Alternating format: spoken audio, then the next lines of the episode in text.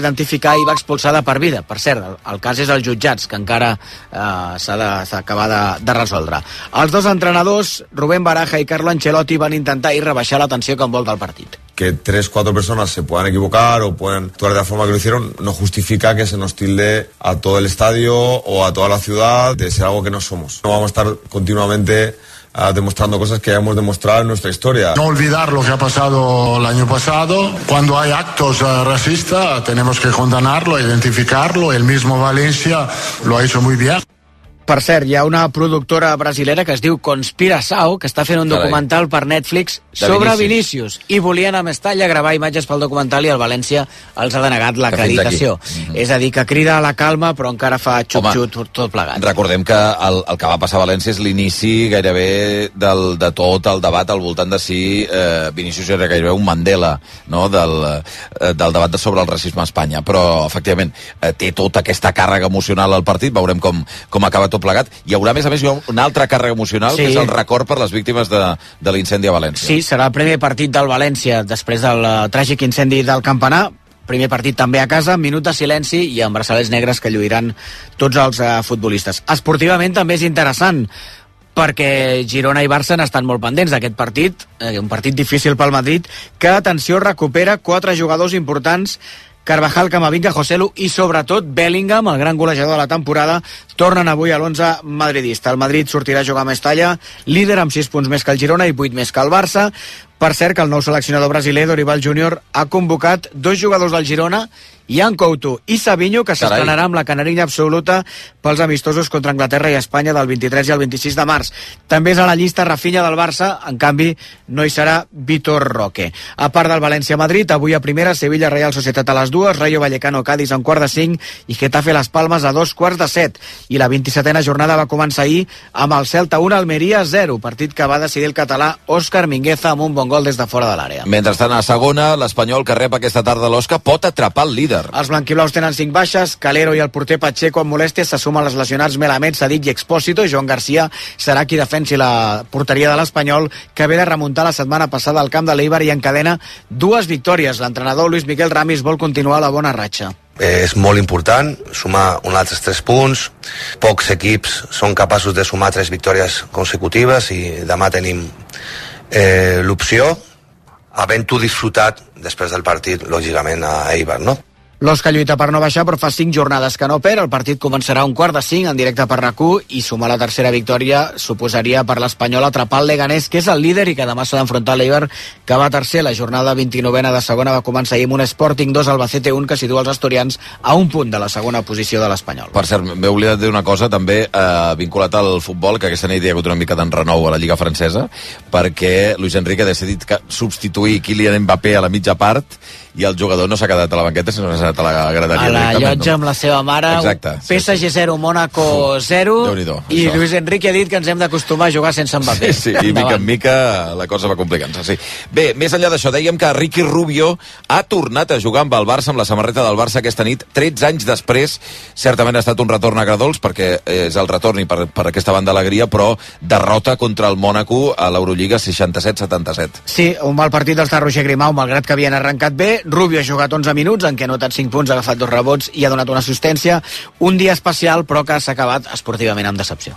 Avui era un partit difícil per emocions i per, per bueno, eh, sensacions. Eh, he intentat controlar-ho i que no afectés a l'equip. Eh, per desgràcia pues, hem perdut i això pues, eh, no, no es pot celebrar. Però bueno, content de, de tornar a jugar. Diu Ricky Rubio que la setmana passada ja va reaparèixer amb la selecció espanyola un any després del seu últim partit a l'NBA, que necessita encara tres setmanes més de preparació per estar al seu millor nivell. El Barça, segon a l'Eurolliga, veu com amb la derrota d'ahir se li acosten els perseguidors. Panathinaikos, Mónaco i Virtus són a només una victòria. Per cert, també ahir el Barça va descartar definitivament la idea de jugar alguns partits al Palau Sant Jordi després d'haver sondejat els socis amb una enquesta. ACB i Eurolliga, a l'actual Palau Blaugrana, fins que estigui a punt el nou, va assegurar el club. La jornada 23 de l'ACB arrenca avui amb dos partits amb representació catalana, la 6 Manresa-Múrcia, a tres quarts de nou Joventut Breogant, i a la Lliga Femenina l'Uni Girona ha de jugar i jugarà a les 4 a València eh, quan hauran passat menys de 48 hores de la tornada dels quarts de final de l'Eurocup a Istanbul. El club gironí s'ha queixat amb un comunicat dient que prioritzar els interessos de la televisió, en aquest cas Teledeporte, posa en risc la salut de les jugadores. També juga avui el Cadí la Seu, rep a dos quarts de vuit l'Araski. I aquesta tarda, primera cursa del Mundial de Fórmula 1, Gran Premi de Bahrain amb pole position de Mark Verstappen. El neerlandès de Red Bull va ser el millor i la primera qualificació de l'any i encapçalarà la graella de sortida per la cursa que arrencarà a les 4 de la tarda al costat del monegasc de Ferrari Charles Leclerc que arrencarà segon. Carlos Sainz també en Ferrari té la quarta posició de sortida i Fernando Alonso amb Aston Martin la sisena i el català Pepe Martí va pujar al debut a la Fórmula 2, va pujar al podi, tercer ahir a l'esprint de Bahrain, aquest migdia a les 12 disputarà la cursa gran de la categoria. I acabem amb atletisme i amb futbol sala. Esther Guerrero i Adel Mechal es van classificar ahir per disputar demà diumenge a les finals dels 1.500 metres dels Mundials de pista curta de Glasgow i Maria Vicente es va trencar el tendó d'Aquiles del peu dret quan liderava el pentatló, lesió gravíssima que la farà passar pel quiròfan i eh, li farà perdre's als Jocs Olímpics de París. el Bestué debuta aquest migdia a les preliminars dels 60 metres llisos. I en futbol sala, l'Indústria Santa Coloma és vuitè en posició de play-off pel títol de Lliga després d'empatar 3 a la pista de l'Inter i el Barça, que és el líder, rebrà aquesta tarda el Pozo al Palau a les 6. Les 9 i 6, gràcies Quim, fins ara. Bon dia.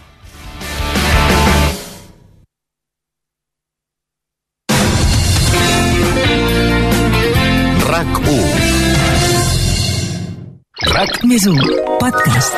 RAC més 1 i Borges presenten Respostes que alimenten. El podcast de salut i nutrició de RAC més amb Esther Muñoz i la doctora Magda Carles. T'has preguntat mai si la sopa alimenta? Si existeix una dieta de la longevitat? O què podem fer per menjar bé sense gastar tant? Aquestes preguntes i moltes d'altres tindran... Respostes que alimenten. Amb Esther Muñoz i la doctora Magda Carles. Tercera temporada. Per saber què mengem i com ho mengem. Mm. Escolteu-lo cada 15 dies, els dimecres, a l'app de rac i a rac tots som... Més? U. RAC 1 principal opositor a Vladimir Putin, Alexei Navalny, ha mort aquest matí a la presó. Anem cap a Moscou amb el corresponsal de rac Abel Gallardo. La mort de Navalny té lloc quan queda un mes. A Galícia està en marxa la jornada electoral més incerta dels últims 15 anys. Obrim ronda de contactes amb els enviats especials de rac a Galícia. Jordi Armenteres, bon dia. Sí, bon dia. La participació a les 12. Arnau Manyer, bon dia. Sí, bon dia. Aquí el repte del PP és aconseguir la Xavi Hernández, el tècnic del Barça, a punt de parlar davant dels mitjans de comunicació. Per tant, som... actualitzats els marcadors, anem cap a Màlaga perquè aquesta tarda tenim... Cada dia de 2 a 3 del migdia, l'informatiu líder us explica tot el que passa. RAC 1 migdia, amb Núria Travessa i Xavi Rocamora. RAC 1. Tots som 1. RAC1. Tot el contingut de rac també a les xarxes socials. Vídeos i històries exclusives. Notícies. Entrevistes. Reportatges. Descobriu com és la ràdio per dins. Twitter. RAC1. Instagram i TikTok. RAC oficial. RAC1. Seguiu-nos. Tots som 1. RAC1. Tots som 1. Via Lliure, amb Xavi Bundó. 9 i 8 minuts.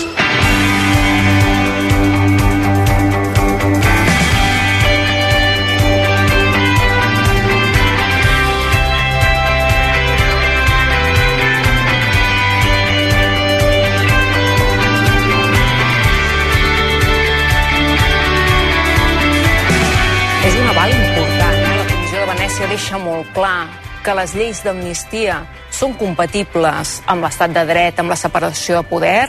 Confirmació de la necessitat que la llei d'amnistia blindi davant dels intents del Tribunal Suprem de l'Audiència Nacional de manipular el delicte de terrorismo. Llegar a acordar ya de forma definitiva eh, para tener una ley de amnistía que el gobierno de España le parece imprescindible para pasar página. Es una señora que está incapacitada para seguir un solo día más al frente del cargo que ocupa. Es insostenible. La presidenta Armengol no puede llegar como tal al próximo pleno del Congreso de los Diputados. Però estàveu disposades a, a quedar-vos en aquell moment per acompanyar-lo? Sí, a veure, la Ima quan ho va dir és perquè segur, i segur que ens hi haguéssim quedat, eh? encara que trenca l'ànima, eh, segur que ens hi haguéssim quedat. Em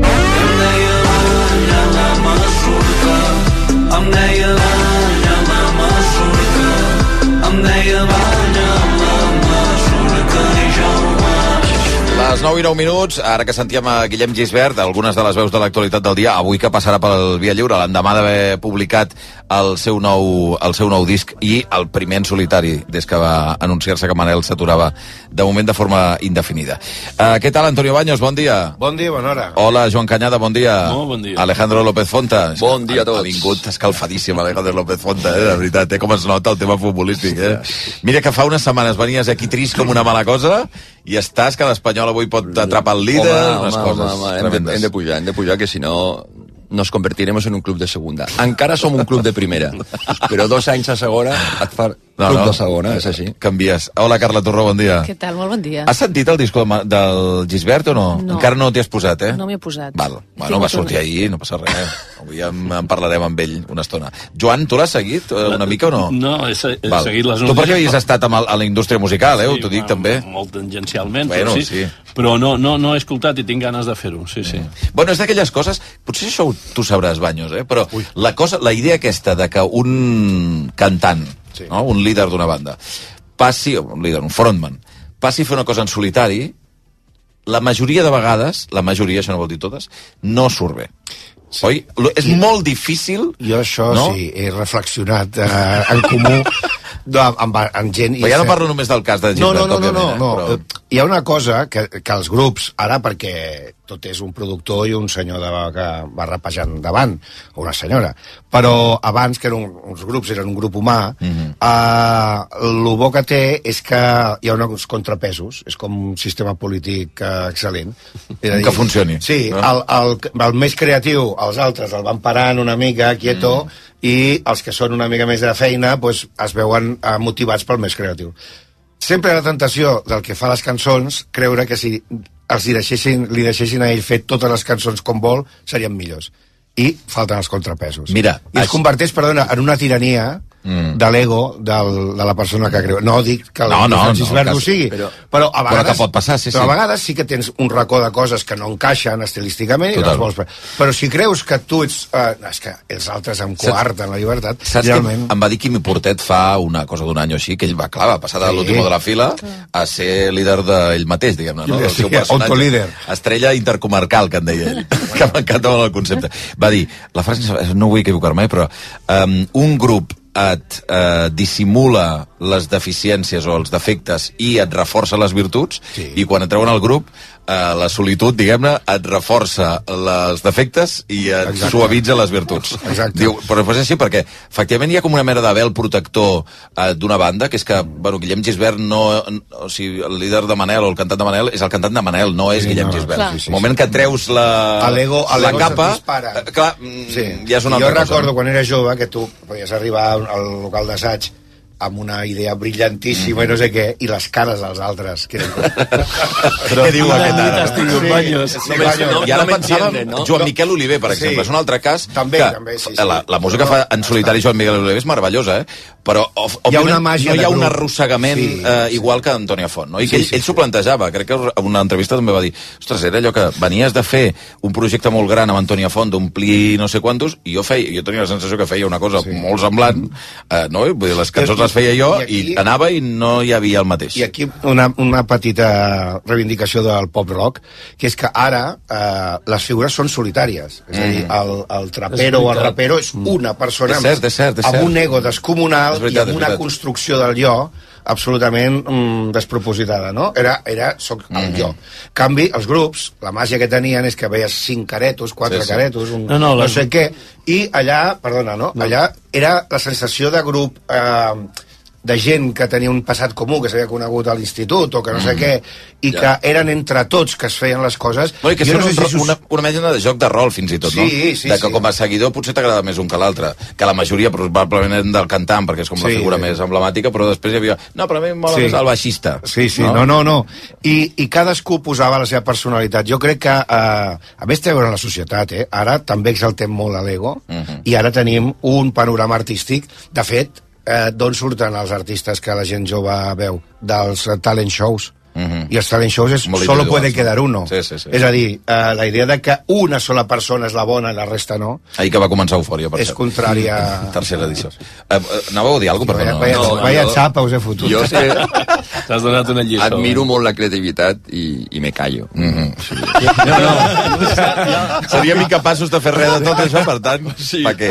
No sé si és ego, si, estan, si són solistes, No, si són grup... No, no, no, al dic. al final Jo també hi ha una cosa, si portes que al 15 anys a una banda és normal que et plantegis- Grup, dintre d'un grup pot ser que hi, ha, que hi ha algú que pensi que ell és la part important del grup i per això després de grans grups han sortit tots solistes, que alguns han sigut grans i altres no tant. Sí, perquè Però no- és que jo ho respecto tot, perquè la, No, home, no, per mi no, la no faltaria. creativitat em sembla Màgica. bestial, Sí, sí. però en tot, eh? I, com a, i jo sem i penso, i com a seguidor d'un grup, Eh. eh. o sigui, és curiós el que genera amb alguna banda que t'agrada, no? Jo recordo justament amb, amb una entrevista amb, amb Manel, eh, quan algú els demanava si tornaven a fer determinades coses del passat, ell va dir "És que la gent, quan, quan, quan troba a faltar determinades cançons... L'ukelele.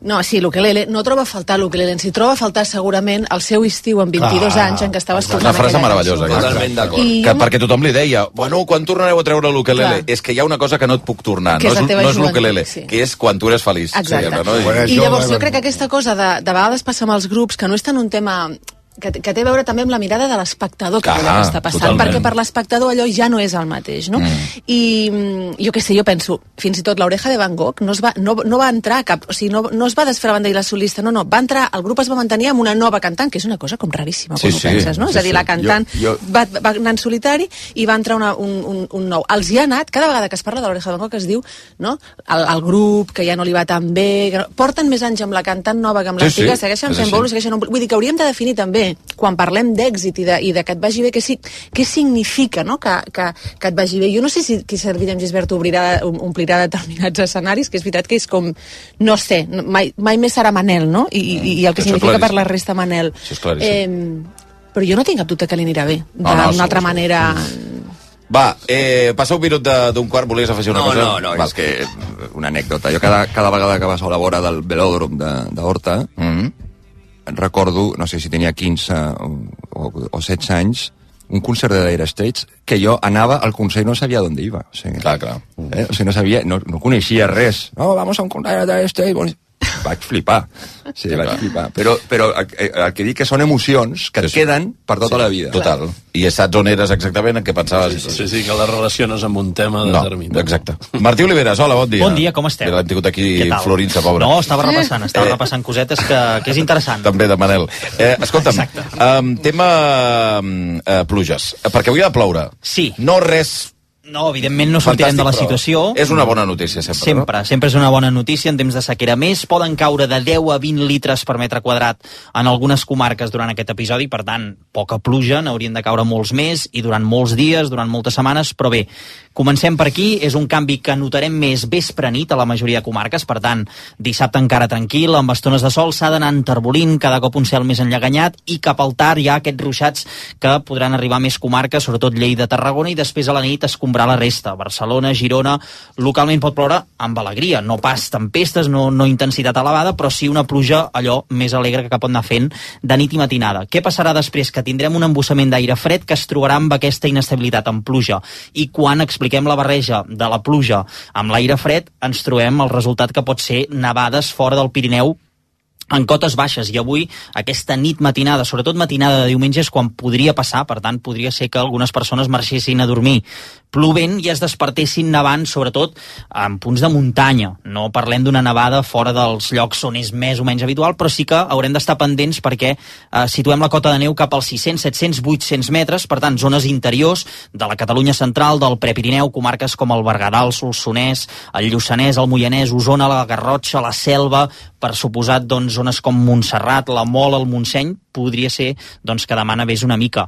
Estem esperant a veure si tenim aquest avís de la neu per part del Servei Meteorològic de Catalunya. De moment ja el tenim activat al Pallar Jussà i a l'Alta Ribagorça i, per tant, doncs, eh, serà, serà interessant veure això i també el vent, l'ambient fred i la mala mar. I molt breu, eh, la setmana que ve pluges. I la setmana que Una ve... mica més generoses, aparentment, podria ser. Sí, però al final de la setmana. Dilluns, dimarts dimecres encara no, a veure si es va confirmant que, que podria ser que el març doncs, arrenqués amb, amb més bones Bé, notícies en, veure en si pot aquest sentit. Avui és dos, per tant, ja ho celebrem. A veure si arribem. Uh, gràcies, Martí. A tu, fins ara. Uh, 9 i 19 minuts. Avui estem acompanyats de l'Antonio Baños, del Joan Canyada, de l'Alejandro López Fonta, de la Carla Torró. D'aquí uh, 10 minuts, comença aproximadament 10 minuts, uh, un acte d'homenatge a Salvador Puig Antic des de la presó model de Barcelona, coincidint més o menys en l'hora de l'execució, que mm, diuen alguns que va començar entre les 9 i 20, va acabar cap a les 9.40. Uh, l'execució, la darrera amb Garrot Vil uh, a l'estat espanyol, uh, per aquell franquisme. Uh, de seguida hi anirem, però abans, la qüestió que ha marcat les últimes hores des del punt de vista uh, polític i, i judicial uh, té a veure amb la llei d'amnistia. Hi va haver-hi un aval de la, de la Comissió de Venècia de l'amnistia, que havia estat a petició del Partit Popular, tot i que hi ha matisos. I avui, clar, llegeixes la premsa i depèn de quina premsa llegeixis, sembla que, que gairebé que, la, eh, que no hi hagi val o que sí que hi hagi, que sigui complet. Xavier Bosch, catedràtic de Dret Constitucional, molt bon dia. Molt bon dia. Hi ha val o no hi ha val de la Comissió de Venècia a l'amnistia? De moment el que hi ha és un esborrany. O Això també és un veritat. esborrany de l'informe. Això, Això és també és important considerar-ho, que poden haver-hi poden haver esmenes, però dit això, eh, jo crec que sí que hi ha aval. No és un aval total, però també cal dir, és un aval referit a allò en el que intervé la Comissió de Venècia, que són els principis generals de, l'estat de dret. No es pronuncia sobre la constitucionalitat, per exemple. Mhm. Aquí no hi entra, no vol entrar-hi expressament.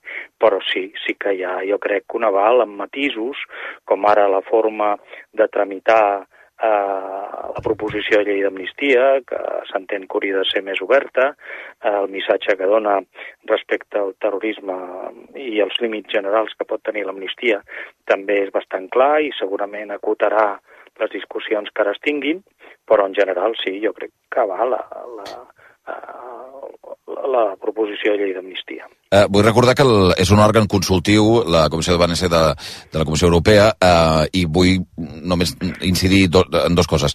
Aquest aval, per una banda, ara de seguida li, li pregunto sobre, sobre aquests matisos, però l'aval, diguem-ne que seria conceptualment a la possibilitat de que hi hagi una llei d'amnistia, entenc, que, eh, que solucioni problemes eh, d'ordre públic eh, a l'interior d'un país. No? És el, el concepte, ve a dir, la, el concepte d'una amnistia a Espanya per eh, solucionar un conflicte polític té sentit. No? Aquest, aquest té sentit i fins i tot dins el document hi ha un, una al·lusió a, a, a les crítiques que ha rebut tota la proposició de llei d'amnistia, especialment aquella que fa referència a que és l'intercanvi de la investidura. El document diu, nosaltres som conscients d'això, però tot i amb això l'objectiu de la reconciliació i de, i de l'estabilitat política de Catalunya és un objectiu legítim. O sigui que no se n'amaga, no amaga el preu polític, dit així, que representa l'amnistia, però sí, ho considera així. I també un matís, si em permet, sí. que no depèn la Comissió de Venècia de la Unió Europea ni, ni en absolut, depèn eh, del Consell d'Europa. Perdó, he dit, he dit Comissió Europea i volia dir Consell d'Europa, sí, sí, disculpi. Sí. Doncs eh, aquesta és una qüestió. També fa un suggeriment, i suggeriment és una paraula una mica menys forta uh -huh. que la, la recomanació, en el sentit de apuntar a que seria convenient que la, això, la regulació de l'amnistia aparegués a la Constitució. Però el punt central hi és si una, si una amnistia eh, és incompatible o no amb l'estat de dret, jo crec que queda bastant clar des del moment en què fa una exhaustiva llista de països que tenen amnisties i fins i tot inclou països on les constitucions no diuen res sobre l'amnistia. Ja. Uh, quan ara deia això, eh, crec que vostè ja ho va dir en el seu dia, que creia que en l'ordre constitucional espanyol una amnistia no hi acabava d'encaixar, o aquesta amnistia no hi acabava d'encaixar, uh, i el que ve a dir la Comissió de Venècia és bé, el que seria òptim és que hi hagués un reconeixement de l'amnistia o del, del, del, de l'artefacte de l'amnistia a l'interior de, la, de la Carta Constitucional espanyola, però és un suggeriment, no? Um, sobre, el tema del, uh, sobre el tema del terrorisme, crec que és important perquè, mm, clar, crec que la, el text no dona a entendre que sigui una norma feta express per acontentar l'independentisme, que és una, cosa, una qüestió clau, eh, però sobre la qüestió del terrorisme diu no es pot amnistiar. Clar, aquí la pregunta és què s'entén des de l'ordre eh, internacional, no?, de la justícia eh, global, què és terrorisme i què no ho és, no? Aquí hi ha una, una, una llarga explicació. En general s'entén violacions eh, greus dels drets humans. Aquestes comporten morts, eh, lesions, eh, lesions a fetus, etc etc. Aquesta és la referència. Llavors, eh, la, la qüestió, evidentment, no, no, no s'acaba aquí, perquè doncs, el que es pugui fer a cada país d'acord amb el seu propi codi penal sí. respecte a la qualificació de terrorisme, doncs encara queda obert. O sigui, aquest informe no impedirà que, que o ni obligarà al contrari, eh, perquè té un valor consultiu, que es qualifiquin com a terrorisme determinats comportaments. Sembla que ara eh, el Tribunal Suprem eh, investiga Puigdemont també per això. O sigui, això eh, el que haurem de fer és veure exactament si lliguen o no aquest, el, el, el Codi Penal i les acusacions concretes amb aquesta definició de terrorisme. Des del meu punt de vista, el, el Codi Penal, a partir de 2005, l'última reforma del Codi Penal deixa un marge bastant genèric i bastant obert eh, el, que, el que pot ser susceptible d'acusació de terrorisme. Però vaja, aquest és un terreny sobretot per a penalistes. Mm -hmm. eh, Clar, des d'aquest punt de vista que deixa un marge molt obert, massa obert, per entendre'ns, eh? Jo crec que sí. Hi havia fa, em sembla, uns 15 dies una, a La Vanguardia una entrevista a la meva col·lega eh, Mercedes García Arán que assenyalava com hi havia comportaments que eren relativament freqüents eh, en les protestes socials eh, destinats a impedir una decisió política, com són, per exemple, sense anar més lluny, les actuacions d'algunes protestes, i ara llegia fa un segon eh, un intent d'assalt a les Corts d'Aragó per part dels pagesos eh, que estan destinats, evidentment, a influir i a condicionar l'actuació dels poders públics, que, clar, mm, eh, se separen una mica de, tots allò que, de tot allò que instintivament coneixem com a terrorisme, que és eh, una estratègia de provocar, de provocar el terror el terror a una part de la població per assolir objectius polítics i eh, més enllà dels enfrontaments per durs que siguin, més enllà dels comportaments per més incívics i destructors que siguin. Um, faig una darrera pregunta en Xavier Bosch, catedràtic de dret constitucional, sobre aquesta, um, aquest esborrany de moment que no s'ha aprovat. Queden 15 dies perquè s'aprovi a la Comissió de Venècia, però, però sembla que serà així. Um, el Partit Popular va demanar aquest informe mentre hi havia les negociacions per la llei d'amnistia a Espanya. Uh, el govern espanyol n'ha filtrat l'esborrany quan queden 5-6 dies perquè s'esgoti el termini per pactar la llei. S'ha instrumentalitzat per part de tothom aquesta Comissió de Venècia un cop més? A veure, no tant. Jo crec que, primer, jo no sé, vostè ho ha dit i vostè ho sabrà, si ho ha filtrat o no el govern. Eh, la, la, la qüestió, diguem-ne, perquè ho hagi tingut el govern d'Espanya, primer ho ha d'haver filtrat eh, la pròpia Comissió de Clar. Venècia, perquè aquest encara no ha rebut, eh, perquè el plenari de la Comissió de Venècia encara no ha rebut aquest document. Mm, jo crec que, que, que hi ha potser sí, un intent d'utilitzar la Comissió de Venècia, que té un prestigi indiscutible com a referència de tot el que significa l'estat de dret per uns i altres. O sigui, tot hem vist al llarg del procés com eh, la, la, la, la, els documents de la Comissió de Venècia eren utilitzats eh, i a vegades parcialment en tots els sentits. És veritat, però, però a mi em sembla, i aquesta sí que és una opinió molt personal, que tots plegats faríem bé d'intentar solucionar els problemes per nosaltres mateixos. Eh, partim d'una situació que és la d'una democràcia bastant correcta, sempre imperfecta, però bastant correcta, i això d'anar a tirar eh, la jaqueta d'aquestes institucions, i estic pensant també en l'intent de negociació eh, de, de la renovació del Consell Judicial, doncs no ens deixa, com a espanyols, massa bé ni massa responsables. Xavier Bosch, catedràtic de dret constitucional, moltíssimes gràcies, com sempre. Gràcies a vosaltres. Dos minuts i dos quarts de, de deu del matí. Eh, com que haurem d'anar de seguida a la presó model, eh, necessito una opinió ràpida, Joan Canyada, i de la resta també, de, ja no només del que hem sentit ara, eh, sinó de, de, de cap a on s'encamina la situació de la llei d'amnistia després de l'aval de la Comissió de Venècia. Sí, certament, eh, bé, com, com, com deia el catedràtic Arbós, eh, eh, la reforma del 2015 al Codi Penal va ampliar no, la, bueno, la, la possibilitat de- d'interpretació del delicte de terrorisme, de terrorisme no? I, i, i, això lògicament és, eh, és, una, és una situació que, que, bueno, que permet avui doncs, estirar el xiclet de- d'aquesta interpretació no? però clar, és que no podem oblidar que, que, el, que la definició de terrorisme és cometre actes violents sembrant el terror en la població per aconseguir doblegar la voluntat legítima doncs, de l'administració o, de, o dels governants, etc. No?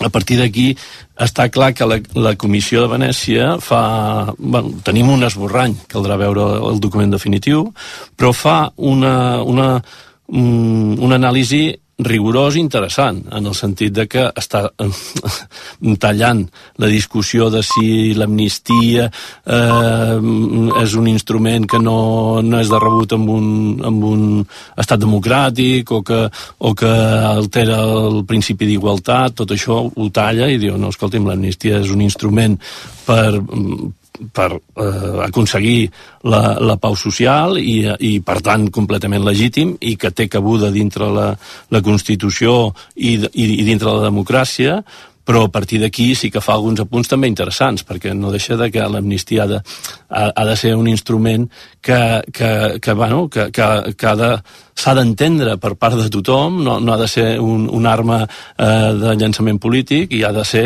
precisament una eina de maduresa social i política per avançar davant d'un conflicte. No? Eh, Carla eh, eh, López Fonte i Baños. Tu deies abans, eh, és curiós quan agafes els diaris no? I, i quan escoltes determinats anàlisis com sembla que la notícia sigui una altra. No? I, I una cosa que, que, que penso des de fa eh, molt de temps és que moltes vegades quan parlem d'aquestes mirades diferents tinc la sensació de mirades interessades, no? És a dir, que ens apropem a la realitat amb ganes de que ens doni la raó i seria Mhm. mm. interessant quan passen les coses que siguem capaços de tenir mirada crítica, agafar distància per poder escoltar el que ens estan dient, no? I ens diuen coses interessants en, en, aquesta, en aquesta comissió de Venècia. Per mi la primera i la més important és que, que, que aquesta amnistia és un instrument legítim i això és molt important, és legítim per la reconciliació.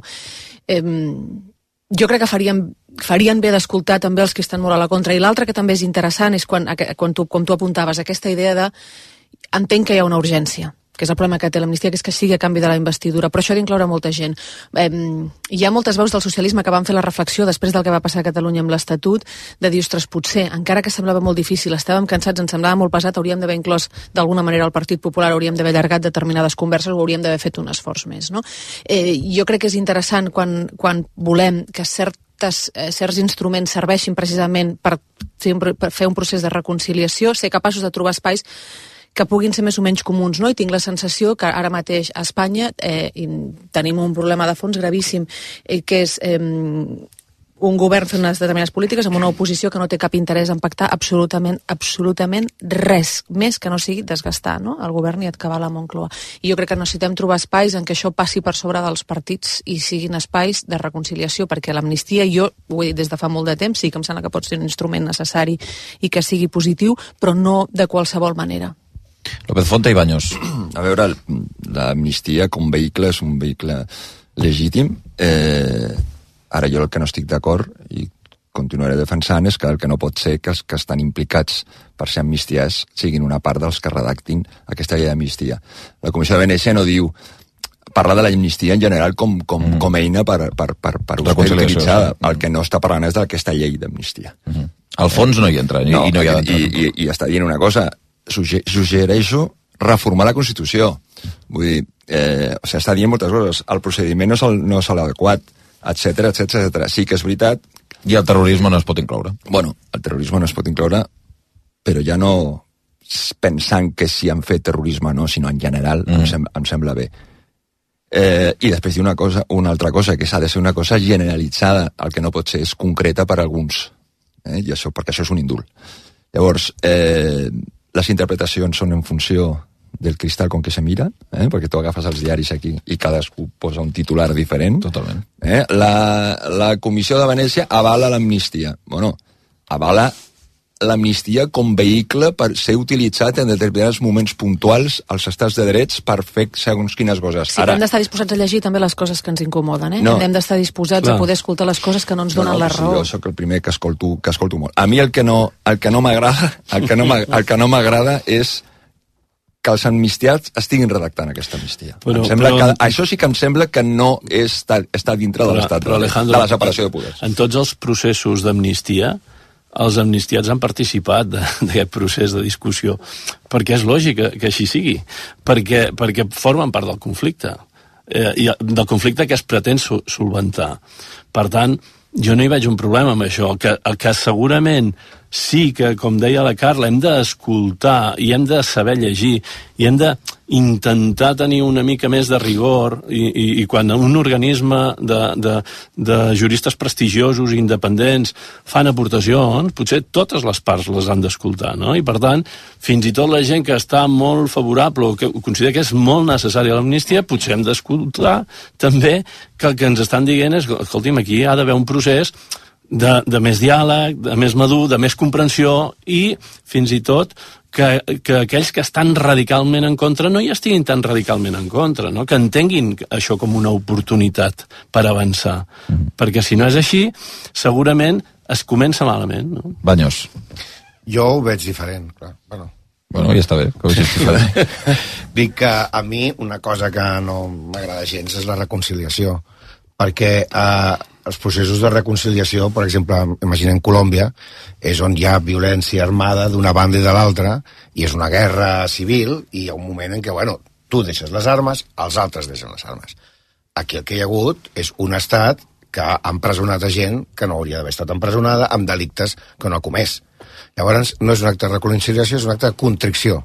És a dir, l'estat espanyol admet que se li ha anat la mà amb això perquè en defensa de la unitat d'Espanya, que pot ser un valor bueno, eh, relativament defensable, eh, doncs ha posat a la presó i a l'exili una sèrie de gent que no havia fet res.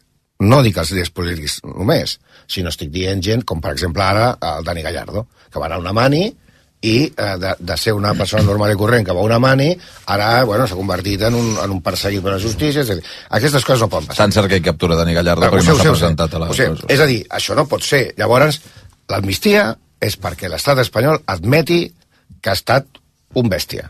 Està.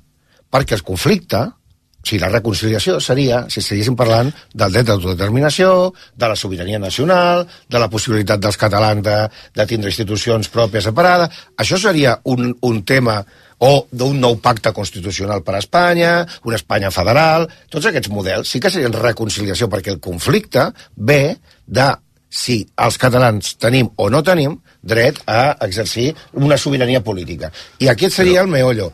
El que estem... L'amnistia no va sobre el conflicte, l'amnistia va sobre com es va reprimir el conflicte. Però, però Antonio... Jo eh, discrepo, eh? Ja, ja, ja m'ho imaginava, ja imaginava. I que menys que no discrepeu. bueno, va, va. Dir, ho veig jo així. Sí, no, està, està clar, cadascú, està clar. No, cadascú agafa la- l'amnistia Canyada per... i- no, no, Fonta, molt breu, fi- sisplau. fixa't en una cosa. Clar, eh, això seria una nulitat de totes les sentències, no? Un, un, un, un exercici de constrenyiment seria, escolti'm, ens hem equivocat Sense- tant sense que, que, que tot el que hem fet és incorrecte. No està fent això, No, l'Estat. ja ho sé, ja ho sé que no. L'Estat en cap cas està fent això. L'Estat està dient, escolti'm, aquí hi ha hagut uns fets delictius des de la seva òptica eh, no, no, i el que, el que considerem és que eh, bé, no, no, no, no, segurament la resposta penal no és la idònia per eh, eh, la que s'ha donat. I per això val? I per això no és que anul·lem, sinó que, que, que no apliquem, sí, amnistiem i no apliquem la, la, les penes.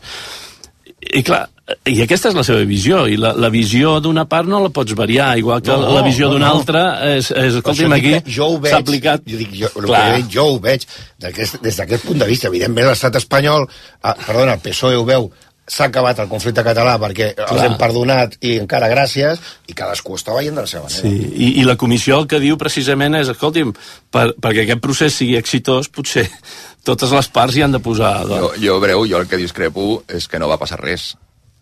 Que no em diguis que no va passar res. El, el, el, Bueno, sí que- home, home, sí, es va, es va alterar l'ordre constitucional, les lleis, l'Estatut, també, l'ordre de l'estatutari, Bueno, es va van desem- alterar al Parlament de Catalunya, fora del Parlament de Catalunya, i es va alterar, i llavors ha una llei que te pot, et pot agradar més o menys, però és la que hi ha menys. en el moment. Sí, sí, eh? sí. La que hi ha en el moment, hi ha uns jutges que et poden ag- agradar més o menys, però sort que hi ha jutjats que són terceres persones que han de jutjar, te poden agradar més o menys, però és el sistema ha de funcionar així, perquè si no, entre tu i jo els conflictes com els arreglaríem? No, si no hagués un tercer Sí, però enteneu que l'independentisme... la llei que, sí, que hem fet entre tots. Enteneu que l'independentisme era un moviment antisistema. És a dir, no, ja que la Constitució no deixava eh, dret a votar, doncs, bueno... eh, Bueno, la el- Constitució avui no deixa dret. No, però dic, Clar, l'1 tu estàs d'octubre... reclamant la sobirania, hi ha moltes formes de, de, de Sí, poder sí, però aconseguir dic, l'1 aquesta d'octubre és un fet delictiu perquè en Espanya es va considerar clar, delictiu. Sí. No, no és jo el puedo Sí. y tengo derecho. 5 minuts i No, 3 quarts de, de 10. Eh, per cert, que em sembla que està a punt de començar l'acte, em sembla, la model de record de Puig Antic, perquè de fet era aquesta hora, més o menys,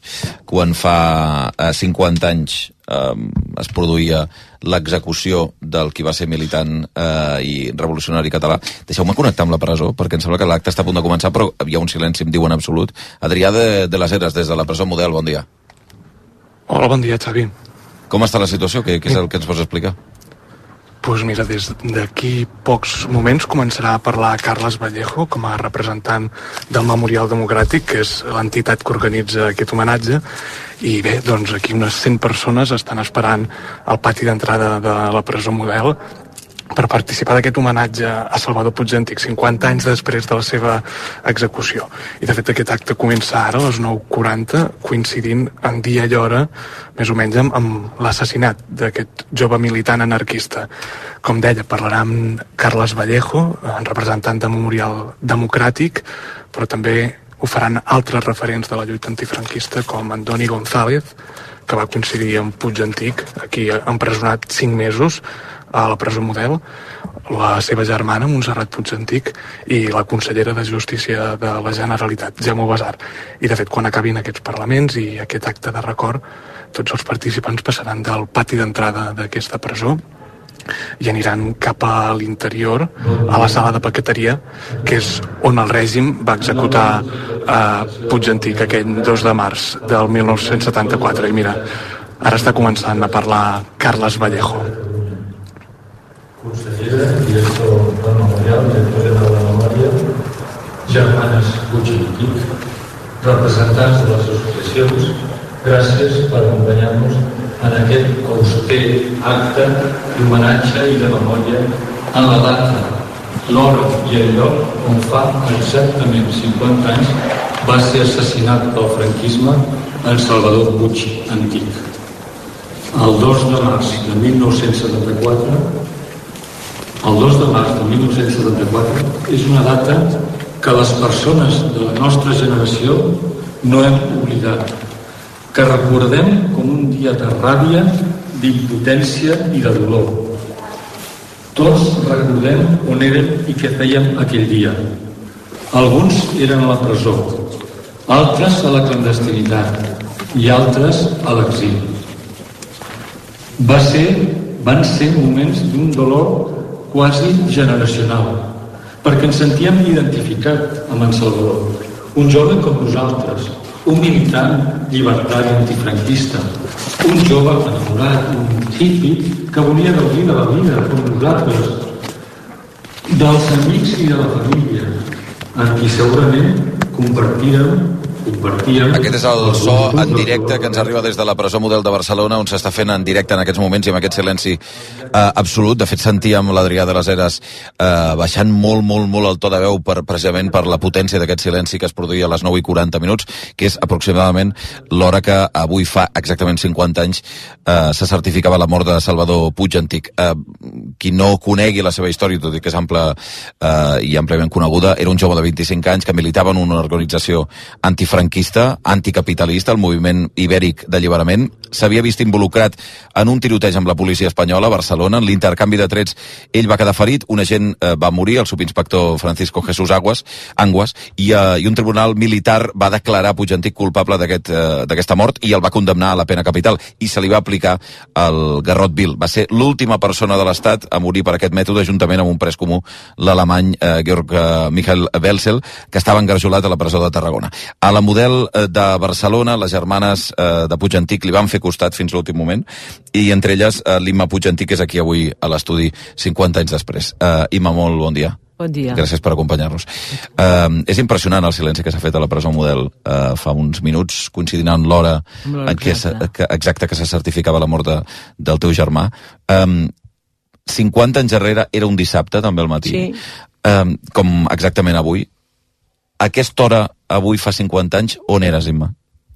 Estàvem al bar La Model, perquè ens van treure a la nit a les 6 del matí i com que no sabíem on anar i teníem d'esperar que sortís el Salva amb el furgó, ens vam anar a un bar d'allà davant de la Model. Quan dius el salva amb un furgó, perquè ja comptàveu que sortiria Mort. Eh, mort amb un furgó de la policia per portar-lo a, a l'enterrament. Per tant, estàveu des de les 6 del matí en un bar esperant, esperant. Esperant, esperant que el matessin, així de bèstia. Eh, recordes la situació de, de on estàveu, com estàveu assegudes, què és el que dèieu, de què parlàveu en aquell moment? No, no parlàvem gaire. Uh, ens van posar un, a un racó i no dèiem, no dèiem massa res. Vam estar, va venir la Magda Uranic i amb una altra, amb l'Anna Balletbó, era? Sí, Hola, i Magda Uranic, també bon dia. dos o tres advocats. Bon dia, Magda. Bon dia, bon dia. És que estàvem, ja ho sabeu, Mhm. al col·legi d'advocats, reunits molts, molts advocats, eh, i ja a les 6 del matí, més o menys l'hora que us devien dir, pues jo me'n vaig cap allà. I ell estava al bar Modelo, no era un bar, era el bar Modelo, que, era, que ara l'han tingut que tancar, clar, des de que no hi ha la presó. I estàvem allà. Bueno, va ser molt dur, te'n recordes? Explica tu la resta. No, no, és que jo no me'n recordo massa, jo me'n recordo dels silencis. Sí Els silencis. No. Sí, és que no... Què vols dir?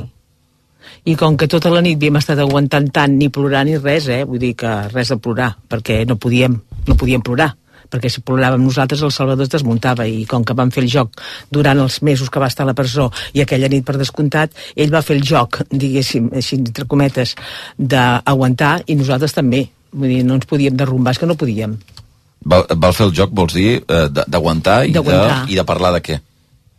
durant quan? Durant la nit, Durant la nit amb en Salvador. és molt bèstia dir-ho, però jo la recordo maca, eh, que és fort això, oi?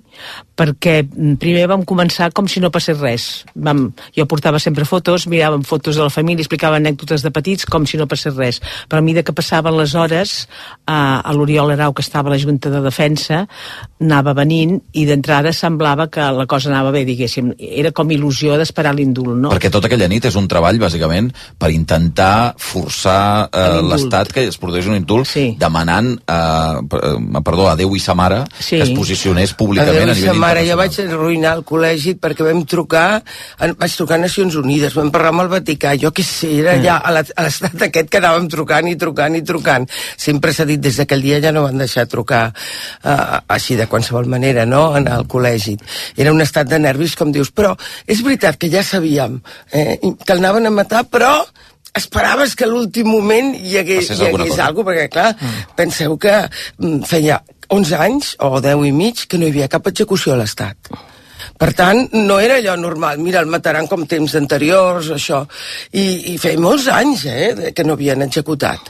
I clar, pensaves, no pot ser, no pot ser, però era, era. Jo crec que el Salvador, no sé, això ho podràs dir tu millor, fins l'últim moment va pensar que el millor hi havia. Quan va dir quina putada, que va ser ja quan s'ho va veure ell mateix. Però, clar, no sabem realment no, què. jo penso que no. Des de que van matar el Carrero Blanco, en, ens ho va dir, el primer que ens va dir. ETA m'ha matat a mi. Sí, sí, m'ho va dir a mi un dia a la presó, també. El que passa que, dic- vull dir, mm, no podies pensar això perquè si no, no sobrevius, no, pot, no pots passar els dies. I llavors, ja et dic, van fer el joc aquest de que com si no passés res. Però jo penso que sí que ho sabia. Ara, l'esperança és l'últim que es perd, és evident, no? Però l'última vegada que va venir l'Oriol Arau, clar, cada vegada que venia era com en positiu, però ja les últimes vegades no, perquè ja, més amb la cara ja la vèiem. I quan obria la porta i vèiem la cara ja sabíem que no. Això era permanentment, tota la matinada anava apareixent, sí, eh? anava apareixent, anava a anar i tornava, anava i tornar. I ja... el, en Salvador el veia? O Sí, només sí, els, sí, les germans? Ho veieu tots? Tots, sí, sí. Els sí. advocats deixen estar en aquestes ocasions. Sí, perquè jo la següent pena de mort aquí vaig estar a les 12 hores aquestes, que es fan, es fan molt llargues, o no? És terrible, perquè el Codi de Justícia Militar té entramos en capilla, i llavors entres en capilla, que no sé per què entres en capilla, i llavors estàs 12 hores. Vosaltres vau entrar a les 6, podia haver estat fins a les 8, perquè, però clar, com tenien que preparar tota aquella merda de la cadira i tot, en canvi com fusellament i portar ho tenien més fàcil, no? Però és terrorífic el, la presentació, tot com es fa. Ara ella ho explica d'aquesta manera que ho expliquen també les germanes i amb aquest sentiment intern, però és que és duríssim, eh? I, Imma, els, les, les 12 hores que diu la Magda és des del moment en què us diuen eh, hi ha una pena de mort i s'executarà a tal hora, no? I això us ho diuen No, a a les... tal hora no, no ens ho No us ho diuen? No. No us diuen, o sigui, de les 9 de la nit diuen fins a les No. 9 del matí. És el enterado del gobierno. Exacte. Eh? O sigui, tècnicament, això va, ja està la pena de mort, ja sa, dies que se sabia, pena de mort amb sentència. Sí. I llavors, mm, els divendres eren els Consejo de Ministros, que, ah, i aquí, aquí també eren els Consells de la Generalitat, però ara s'han han passat a dimarts, jo crec, perquè no es recordi allò d'aquells temps. Llavors, envien el tema enter al govern, i quan el, que cada setmana hi ha indults, eh? vull dir, de, de presos comuns, etc. Llavors el govern decideix si s'indulta o no. Si el govern dona el enterado, malament rai. Vol dir que se n'han enterat i que, que vol I que ja dir que se'n van a dormir. I aquí hi havia tres penes de mort, eh? aquell dia que, que va arribar un guàrdia civil que havia matat a no sé qui de la família, i llavors el Henches, que val la pena recordar perquè aquest era un pobre delinqüent que el van per fer la torna, recordeu, bueno, tu ets molt jove, No, però no, sí, sí. el que era la torna, no?, que van fer l'obra de teatre als juglars, que el tenien que anar a veure a Perpinyà, i llavors hi havia el Salvador i el Henches, i aquests va venir, un bé l'indulto, perquè és, i l'altre bé l'enterado. Que a nivell d'abogats l'enterado ja és si el donen o no el donen. A les 8 de la tarda et truquen, potser, sobretot en els abogats, clar, però a la família també acostumen a deixar estar membres de la família, com elles, les A germanes. nosaltres l'Oriol Arau cada divendres, ja feia temps, ens anava dient dieu-me els divendres on sou, com que som quatre, dieu-me els divendres on sou, perquè segons l'interado us he de venir a buscar i, i va ser així un divendres ens va tenir de buscar i devien ser, jo estava sopant a casa una mica devien ser les 9 i mitja i a partir d'allà ja vam anar cap a... O sigui, ahir fa 50 anys és el moment en què es Sí. comunica i, Sí. eh, i aneu cap allà. Aquesta nit diu... Eh, mm, és, és molt interessant perquè ara que són les, les 9.50 del matí, eh, la Imma ens deia jo tinc un record d'una nit bonica. O sigui, amb l'atenció, però Maca. la... eh, No sé si el, el, el, el contacte, la, la contacte. conversa... Sí, Eh, perquè primer va començar com, diguéssim, com si no passés res, però a mesura que anaven passant les hores, les forces es anaven d'això, estàvem tots més nerviosos perquè veiem que la cosa anava malament, i aleshores vam estar molta estona, mo- no sé quant de temps, sense dins de res, no vam parlar absolutament de res, i sense dins-ho ens vam anar agafant. Vam fer, o sigui, ens tocàvem uns, uns als altres, i així ens vam estar pff, molt. Jo ho recordo, preci- vull dir, va ser com un comiat. Us vau arribar a dir adeu?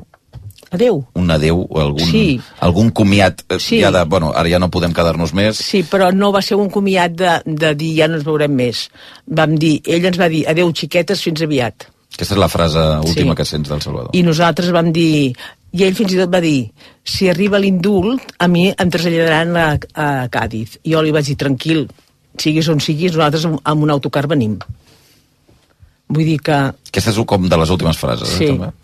I el temps passa molt a poc a poc, o no? Perquè jo recordo que miraves el rellotge i deia, ui, quanta estona ha passat? I havia passat 20 minuts. Mm. Eh, es fan molt llargues aquestes hores i molt dura per la, per la família, bueno, pels Sens abogats, dubte. per la família, molt dura, molt dura. Eh, ahir, aquesta setmana, eh, la teva germana, la Montserrat, que va ser una entrevista al, amb el nou C de la, de la Navallonesta, era a la, a la model, i, i va dir això.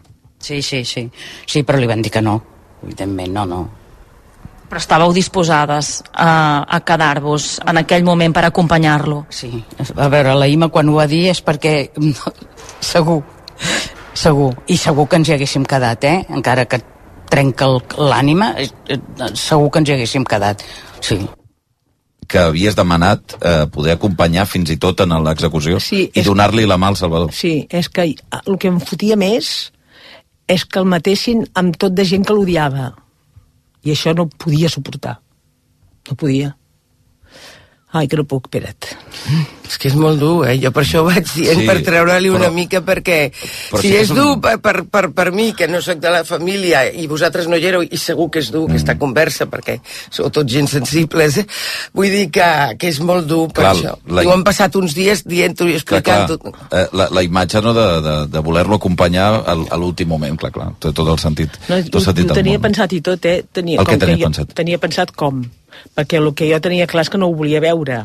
Llavors jo pensava que em posaria d'esquena a ell, Mhm. però li donaria la mà. però jo d'esquena. Mm -hmm. I això ho tenia... Bueno, ho tenia Que si et deien que sí ho faries així. No? Sí, sí, sí. I a, a qui vas proposar-ho? És a A dir, l'Oriol Arau. a l'Oriol Arau. No vas parlar amb una autoritat de la, No. de la presó? Del... No. no. És que no es podia ni parlar amb aquella gent, eh, ho sento, però... Per, perquè quin, quin tipus d'interlocució teníeu? No ho sé, un, per exemple, nosaltres no sabíem que el matarien al Garrotville i, ell, i el Salvador tampoc. I el meu germana, quan va anar un dia, vam anar al lavabo i ell es va quedar sol allà, sense el Salva, eh? el Salva també estava al lavabo, i un, i un funcionari d'aquells, amb molt mala bava, li va dir, tu sabes lo que és el Garrotville? I mi germana va dir, no. I li va explicar. Li va explicar el que era el Garrotville. I la tia... Però no li va dir eh, eh, així morirà el teu germà, No, senzillament però- li has deixat anar la Això. idea al cap. I no? clar, es va quedar, i tu imagina't, vull dir que... Això era un funcionari de la presó, eh? Sí. Que no n'heu sabut, eh, suposo, res Ai, no, ni ganes, així, ni com res. Alguns jo els he anat veient al llarg dels anys Sí, eh? i alguns m'explicaven, fins que van estar a la model, que ho havien passat molt malament, nosaltres havíem de fer el paper. De fet, són els funcionaris que van guardar el lloc exacte, aquell quadre, quadrat que allà, perquè jo no sé vosaltres, però jo que la presó hi anava molt, no sabia que ho estaven fent allà mateix. Jo em pensava que ho estaven fent més lluny. Però clar, no volien que els presos sentissin, perquè heu parlat una mica aquí, aquell silenci que hi ha a la presó quan hi ha una execució o algú que s'ha d'executar. És impressionant, eh? Perquè se sent hasta un petit moviment, eh? i els presos callen. Va haver un moment, el, el següent que bons, els presos toquen així, fan, fan un soroll, no? I això crec que passa a totes les presons del món, perquè clar... I, i clar, el, el funcionaris alguns eren millor que altres, Home, almenys. clar, amb els tot Jo els he anat després veient i Clar. sempre... I ara quan es va buidar la model, que hi havia l'últim pres, Sí. que ja no és presó, que estava aquí enmig de la ciutat, ells m'ho van dir els funcionaris, i un diu, ella estava, estava aquí con les hermanes, i llavors van treure les rajoles i és aquell tros que ja se sabia. De la no zona de sabia- paqueteria, que és el punt exacte. I mireu que estàvem així, però jo me n'adono que quan ara hi ha una sala d'actes allà, que es deuen estar fent actes ara, que es fan xerrades o el que sigui, i molta gent, com jo conec a la porta, va, deixa'ns entrar i els expliques, aquí era això, perquè és maco allò, el panòptic, les, és maco tècnicament, vull dir, les, les galeries. I quan entrem al lloc de, que van executar el Salvador i ho expliques, una mica així tal, la gent plora. I jo me n'he donat que la, hi ha gent que veus que treu el clínics i la gent plora, eh? Jo me n'he adonat, potser ho fas massa dur, perquè clar, tu per molt que ho és que és dur, és tan dur que no li pots posar gaire, gaire de... Aquesta ferida de 50 anys, eh, en quina situació està 50 anys després, la ferida de, de la pèrdua del germà? Bueno, la ferida no es cura, el que passa que, com totes les penes, tu ho vas incorporant, tothom ha tingut penes a la vida, vull dir que ho vas incorporant i ja està. Però el que sí que estem contentes perquè hem intentat lluitar des del primer moment que el van matar el, amb el judici que va tenir el Garrot Vil, vull dir, tot va ser bèstia i inhumà, tot, i el, i el, el règim franquista volia, el, volia que el Salvador quedés com un delinqüent, com un assassí, no delinqüent, pitjor, com un assassí cruel i despietat i no sé què. I des del primer moment, les germanes, sense quasi paraules, vam decidir que teníem de lluitar per la dignificat per la, i la seva memòria, i per la seva i per la nostra, també. I, i penso que a nivell judicial no ho hem aconseguit, igual algun dia, però de moment no, però a nivell memòria sí que ho hem aconseguit i amb això estem contentíssimes i amb el dels 50 anys ens ha desbordat però estem encantades de la vida perquè pensem la gent sap que el Salvador no era un assassí, que és el que el règim franquista volia. I amb Ara- això estem contents. Ara preguntaré per la qüestió judicial a, a la Magda, quines opcions hi ha, etc etc. però um, el, la comunicació oficial a vosaltres de ja ha estat executada la pena és el furgó passant per davant o Sí. hi ha una comunicació No. d'algun funcionari que ve i diu... El capellà Ja va està. sortir, te'n recordes? No. Allà davant de... Sí, sí, potser no El capellà va sortir i ens va dir, ja està. Un capellà que havia avisat ell. Un capellà... El padre, Man el padre Manero. Sí, jo ho recordo Que aquesta... però oficialment no, eh? No, no, És un no, no, capellà no, que no, no, allà. bueno, això ella ho capellà sabrà. és un capellà que va demanar al Salvador Exacte. perquè Uh, li van, això fa riure i tot, li van dir que eres un cura i diu, jo no estic per cures, no sé què, es penja que la merda, què cures, sé què coño, no sé què va dir. I aleshores, després ell devia pensar, potser sí que alguna persona fora de la família m'ajudarà. I va demanar al padre Manero, que era un, un profe seu escolapi, que es veu que com a persona era un tio maco i el pobre el van anar a despertar a la nit que també li va caure un marró que t'imores Clar, clar, clar. perquè és molt dur i, i va ser-hi I Jo, d'això tu me'n potser no hi recordo. eres aquell moment, però allà davant, alguna germana teva hi era, va sortir el capellà i no vam parlar quasi cap paraula, però ens va dir, ja està.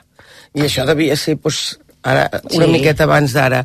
Recordo, jo crec que el capellà el devia ajudar perquè, més, quan va venir amb nosaltres, ens vam... jo crec que, jo deia que hi eres tu, potser, però... No, no pot ser, però me'n recordo. Estàvem allà, un grupillo, perquè no estàvem al pati, llavors, encara estàvem a fora. No, no, estàvem al bar. No, però ja, quan va sortir el capellà ja no estàvem al bar, almenys jo.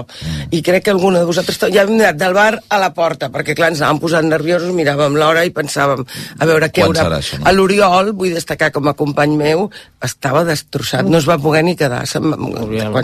L'Oriol, que, que jo el coneixia ja fa molts anys, érem amics, de fet per això, per això tots, el con- el conscient feia anys de col·lega, d'amic, va sortir, jo mai havia vist mai a l'Oriol, ni quan estava ja malalt al final, tan destrossat, amb aquell dia se'n va anar, se'n va tenir que anar, Sí, estava llavors... plorant, va anar a donar voltes. Sí, sí, sí. Vau poder veure el Salvador, Imma? Sí, és que amb el furgó, llavors vam anar darrere del furgó, per això que oficialment ningú ens va dir, ja està, a, part del capellà, que no era oficial. Clar, era no, no, oficial no. Aleshores vam arribar a dalt i... A dalt? A dalt hi ha com una capella, el, això és Ah. de Montjuïc. No sé què és Montjuïc, una vol dir a capella. dalt, vol dir Montjuïc. Sí, sí, a Montjuïc, Sí, no al sé què és una capella, no és una capella, és com un recinte, Mhm. no ho sé. I el van posar allà. Llavors tots els militars anaven de gala, perquè és com una festa, això de matar es veu, anaven tots de gala i ens donaven la mà.